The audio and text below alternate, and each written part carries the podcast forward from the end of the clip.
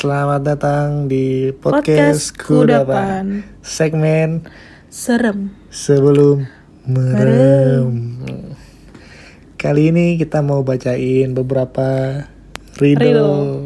misteri. Riddle misteri. Nah, Bagi yang nggak tahu riddle, riddle itu uh, teka-teki tapi dalam kalimatnya itu menyembunyikan rahasia-rahasia gitu. nah, jadi kayak dia tuh teka-teki yang disusun sedemikian rupa sehingga menyembunyikan rahasia, Mm-mm. menyembunyikan kejadian yang sebenarnya. Iya. Pokoknya ada kejanggalan di kalimat itu yang bikin Iya. kita tuh bertanya-tanya, wah ini apa ya? Iya. Kita mikir gitu, wah ini gimana ya? Kok bisa gitu? Maksudnya apa ya? Mm-mm. Tapi kita harus cari clue, pasti ada clue-nya di situ. Mm, pasti ada clue Kita mulai ya. Oke, mulai. Pertama, Yang pertama, beberapa hari yang lalu aku diajak temanku untuk makan malam di rumahnya. Hal yang menurutku aneh adalah baru-baru ini ia terlibat pada sebuah ajaran agama yang aneh. Sesampainya di sana, dia menjuguhiku dengan berbagai macam daging. Tetapi ia tidak memberitahuku daging apa itu. Itu sedikit membuatku ragu. Aku mengira bahwa itu adalah daging manusia. Tetapi setelah aku memakannya, aku langsung menyadari bahwa itu bukan daging manusia. ada yang janggal di Iya. di kalimat. Tetapi setelah aku memakannya, aku langsung menyadari bahwa itu bukanlah daging Wah, daging manusia. manusia. Dari mana dia tahu? Iya, berarti dia udah pernah Makan daging, manusia. Lanjut. Akhir-akhir ini, aku mendapati bahwa anakku memiliki kemampuan aneh. Ia memiliki kebiasaan mengacungkan jarinya pada wajah seseorang sewaktu-waktu.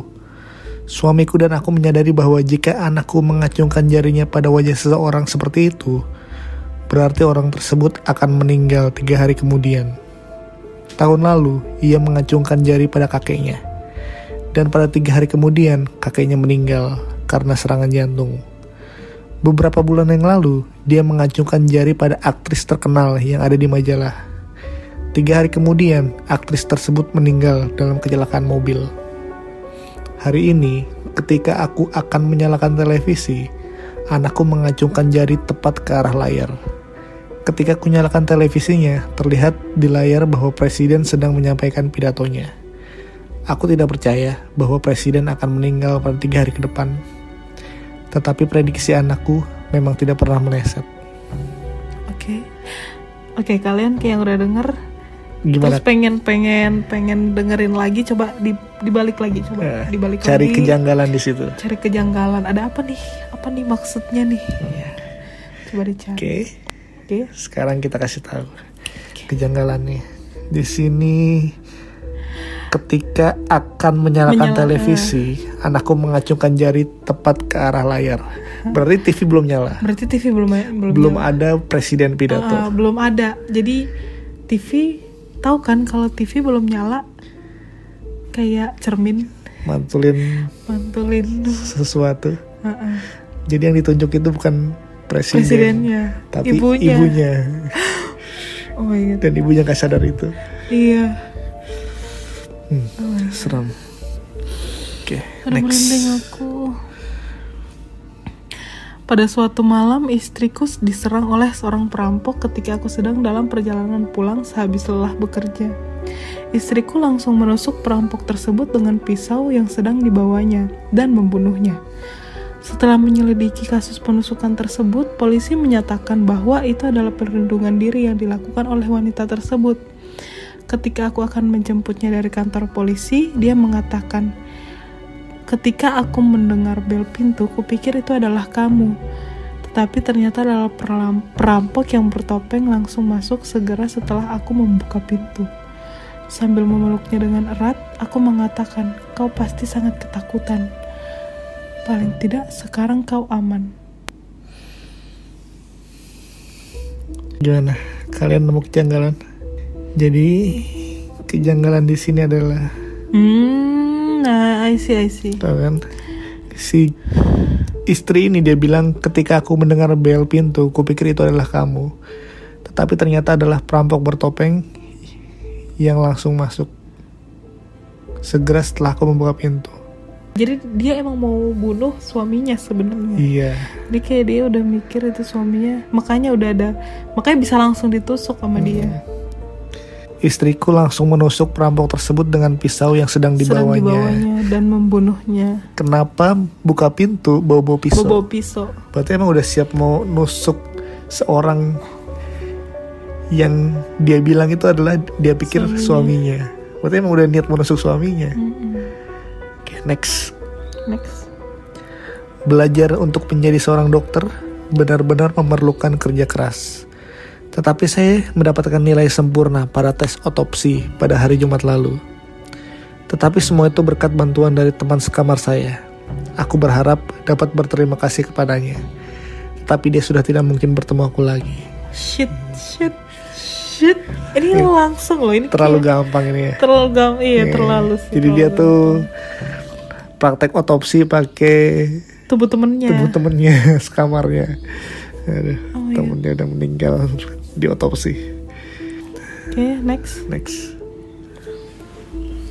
Pada suatu malam, aku diajak oleh kedua temanku untuk berburu hantu di sebuah rumah tua di mana dulunya pernah terjadi pembunuhan. Aku dengar si pembunuh menjagal orang-orang ini, kata salah satu temanku.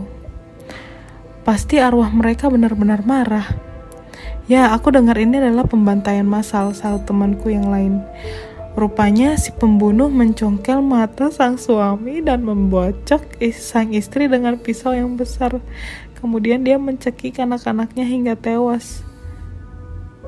Apakah kalian benar-benar serius? Tanyaku. Atau kalian hanya menakut-nakutiku saja? Kalian tahu betapa takutnya aku terhadap hantu. Pintu depan pun kami buka. Kami berjalan sambil berpegangan tangan karena di dalam sana gelap total dan kami hanya berbekal satu lampu senter. Kami menelusuri ruang tamu dan dapur, kemudian turun ke ruang bawah tanah di mana pembunuhan keji tersebut terjadi. Kami masih bisa melihat dengan jelas darah bercipratan di tembok. Tempat ini memang benar-benar mengerikan. Tapi kami tidak melihat satupun kejanggalan atau sesuatu yang aneh. Pada saat keluar dari ruang bawah tanah, aku bertanya kepada temanku, "Aku tidak melihat satupun hal yang aneh. Bagaimana dengan kalian?" Aku tidak, aku juga tidak. Aku tidak melihat apa pun, kata teman-temannya. Jadi memang benar-benar tidak ada hantu. Aku merasa lega. Gimana? Apa kalian nemu kejanggalannya? Coba diulang lagi dengerin dari awal. Mm-mm. Karena ini emang panjang ceritanya. Dan cerita yang panjang itu cuma pengecoh. Iya. Kejanggalannya ada di awal dan di akhir. Gimana gimana? Lihat aja cerita awal. Pada suatu malam, aku diajak oleh kedua temanku.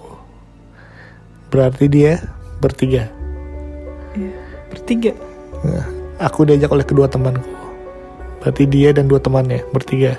Oh shit. Dan di akhir, dia nanya ke temannya, Aku tidak melihat satu hal yang aneh, bagaimana dengan kalian? Satu orang jawab, aku tidak. Aku juga tidak. Dua orang. Dua orang. Tapi ini siapa nih? Aku Ada. tidak melihat apa pun. Ah, ah. Siapa? Iya ya. Berarti dia nambah. Nambah Berarti- jadi berempat. Iya jadi berempat mereka. Next. Next. Aku sangat ketakutan semalam setelah aku membaca cerita yang sangat menakutkan pada suatu website. Yang lebih parah lagi, aku sendirian di rumah karena orang tuaku pergi keluar kota. Jadi aku menyalakan lampu di kamarku dan pada seluruh koridor yang menuntunku menuju kamar mandi. Itu membuatku merasa lebih baik. Ketika aku selesai mandi dan kembali, aku menyalakan lampu kamarku dan pada saat bersamaan, seekor kucing melompat ke atap rumahku dan membuat suara gaduh di dekat jendela kamarku. Hal itu membuatku terkaget-kaget. Coba coba coba coba Coba. coba coba diputar, Diputar lagi. lagi. Balik deh balik balik. Balik. Dicari kejanggalannya. Hmm. Oke, sudah. Ada kejanggalan di sini. Udah temuin nggak petunjuk-petunjuknya, clue-cluenya udah tahu nggak? Jadi sebelum mandi dia bilang, jadi aku menyalakan lampu di kamarku, dan, pada, seluruh koridor yang menuntunku menuju ke kamar mandi. Tapi setelah selesai mandi, dia bilang, aku menyalakan lampu kamarku. Tadi kan udah nyala. Terus kenapa dinyalakan lagi? Siapa yang matiin? Dan ini juga ada yang aneh. Dan pada saat bersamaan, seekor kucing melompat ke atap rumahku dan membuat suara gaduh di dekat jendela kamarku.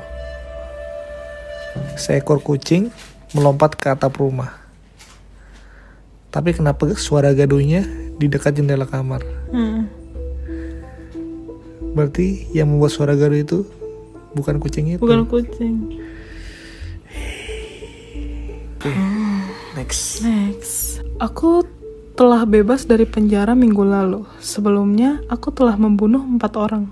Dan aku juga telah menyesali perbuatanku. Alasan mereka mem- membebaskanku adalah karena mereka mengatakan bahwa aku telah sembuh. Ayah dan ibuku tidak bekerja. Mereka menghabiskan waktunya duduk di ruang keluarga di rumah. Kakak perempuanku berdiam diri di kamarnya sambil mendengarkan radio. Dia sudah berhenti kuliah sebelum aku masuk penjara. Aku selalu bermain bersama adik laki-lakiku setiap waktu. Sekarang ia hanya tidur di depan televisi. Tak seorang pun dalam keluargaku bicara kepadaku lagi.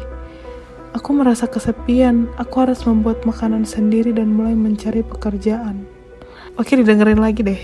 Ada kejanggalan-kejanggalan di situ. Sangat jelas. Mm-mm. Sini dia bilang Dia udah bunuh empat orang. sebelumnya. sebelumnya. Eh, terus polisi itu bebasin dia karena dia udah sembuh. Nah, Sembuh dari apa nih? Gitu kan. terus di rumahnya Itu ada ayah, ayahnya, ibunya, kakaknya, kakaknya sama adiknya. dan mereka Diem semua. diam semua. Oke, yang kita tangkap di sini kalau dia itu masuk penjara ah bukan, bukan penjara kayaknya. Itu rumah sakit jiwa deh. Ha, Kan dia udah sembuh gitu kan udah sembuh. udah sembuh. Berarti bukan penjara sebenarnya. Rumah sakit jiwa deh. Kayaknya dia psikopat. Psikopat.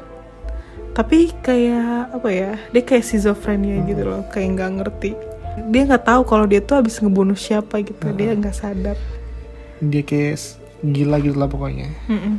Dan di sini di rumahnya itu ada anggota keluarganya Mm-mm. yang jumlahnya empat orang ya itu tadi empat orang dan mereka nggak bergerak diam nggak Mm-mm. bicara nggak ngomong ya. jadi di sini bisa ditarik kesimpulan kalau yang dia bunuh itu anggota keluarganya. Dan yang dia lihat itu hantu-hantu. Lanjut. Pada akhir perang di Irak seorang tentara Amerika menelpon kedua orang tuanya di kampung halamannya. Hai ayah dan ibu kata tentara tersebut. Mereka akan mengirimku pulang dalam beberapa hari. Ketika aku pulang maukah kalian mengurusku hanya untuk beberapa saat saja Orang tuanya merasa sangat senang mendengar berita bahwa anaknya akan pulang ke rumah. Tentu saja, balas ayahnya. Kau bisa tinggal bersama kami selama yang kamu mau. Lalu anaknya berkata, salah satu temanku tidak memiliki tempat tinggal untuk dituju. Dan apakah ayah dan ibu keberatan jika ia ikut tinggal bersama kita sebentar saja? Tidak apa, temanmu selalu kami sambut dengan baik untuk tinggal di rumah, kata ibunya. Tetapi ada yang harus kalian ketahui, kata anaknya. Temanku itu habis menginjak lading ranjau saat kami berperang. Dia kehilangan kedua tangan dan kakinya. Setelah berdiam cukup lama, ibunya mengatakan, Baiklah, tidak apa-apa jika hanya beberapa hari. Tetapi sangat merepotkan untuk mengurus orang cacat. Itu akan menjadi beban bagi kami. Mungkin akan lebih baik jika kau dapat menemukan rumah sakit untuk sekumpulan veteran perang. Mendengar hal tersebut, tanpa basa-basi si anak langsung menutup teleponnya. Keesokan harinya, orang tuanya mendapat telepon dari komandan pasukan anaknya. Dengan sangat menyesal, ia mengatakan bahwa anaknya bunuh diri. Mendengar kabar tersebut, orang tuanya kecewa. Beberapa hari kemudian, mayat anaknya dipulangkan ke Amerika menuju rumah orang tuanya. Ketika orang tua anak tersebut membuka peti matinya, mereka langsung menjadi sangat sedih dan menangis terseduh-seduh. Hmm, ini sedih banget sih Sedih. Ini sedih sih, ini nggak serem sih, ini sedih banget sumpah. Tapi jelas di sini. Iya tapi jelas banget, kalian udah pasti ngerti kan? Beberapa dari kalian pasti ngerti Iya, lah. beberapa dari kalian pasti ngerti lah. Jadi, jadi di sini Dia tuh nggak mau ngomong langsung kalau kalau dia, dia, yang patah ngin- kaki hmm. dan patah tangan, dia yang nginjek lading ranjau itu dia Uh-uh. yang cacat dia kayak kayak ngetes orang tuanya ngetes gitu. orang tuanya kayak Apa orang tuanya mau nerima gitu? kalian kan? keberatan gak sih gitu. makanya dia bilang kalau temennya Mm-mm. padahal itu dia Padahal dia sebenarnya. dan ternyata orangnya tuanya tuh ngerasa repot nggak mau Iya, direpotin kerep. mm-mm. Akhirnya dia milih bunuh diri. bunuh diri daripada ngerepotin, ngerepotin orang tuanya ya Allah. Eh nyesel banget sih, Hmm, sumpah. Aduh sedih banget. Ya udah ya. gitu aja dan jangan lupa Follow at kudapan, Kudapan podcast. Podcast. follow juga instagram kita at aldi hart pratama at Vina DSMS N-nya 2 dan jangan lupa saksikan kita dengerin lagi sebelum merem Serem. dua minggu ke depan Oke. tanggal 23 Semoga kalian ter apa ya terhibur ya. termerinding terhibur Semoga kita bisa menghibur kalian di masa-masa WFH dan pandemi ini pandemi ini. Menemani malam Jumat kalian. Semoga sehat selalu semua. yang mau request kita bahas apa bisa DM Oh iya, di Instagram kita. Atau di Instagram Kudapan. Nah, bisa juga. Dan bisa juga kalian mungkin ada yang punya cerita horor pengen dibacain bisa juga DM di bisa. Instagram kita atau Instagram Kudapan Podcast. Benar. dan untuk closing kita kasih ini ada musik serem. Katanya ini dari Jepang katanya kalau mendengarkan ini itu bisa bikin kejang-kejang Eh jangan dong, gak ada yang mau denger dong jadinya. Ya, nggak apa-apa ini closing aja. Kalau nggak denger ya nggak masalah Kan oke, tinggal ditinggal aja.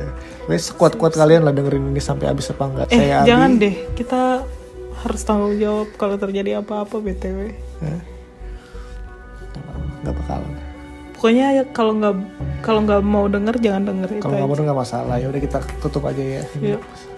kita closing dengan lagu itu nanti nanti. Hmm. saya Aldi. Saya Vina, sampai ketemu di dua minggu lagi. Bye. Bye.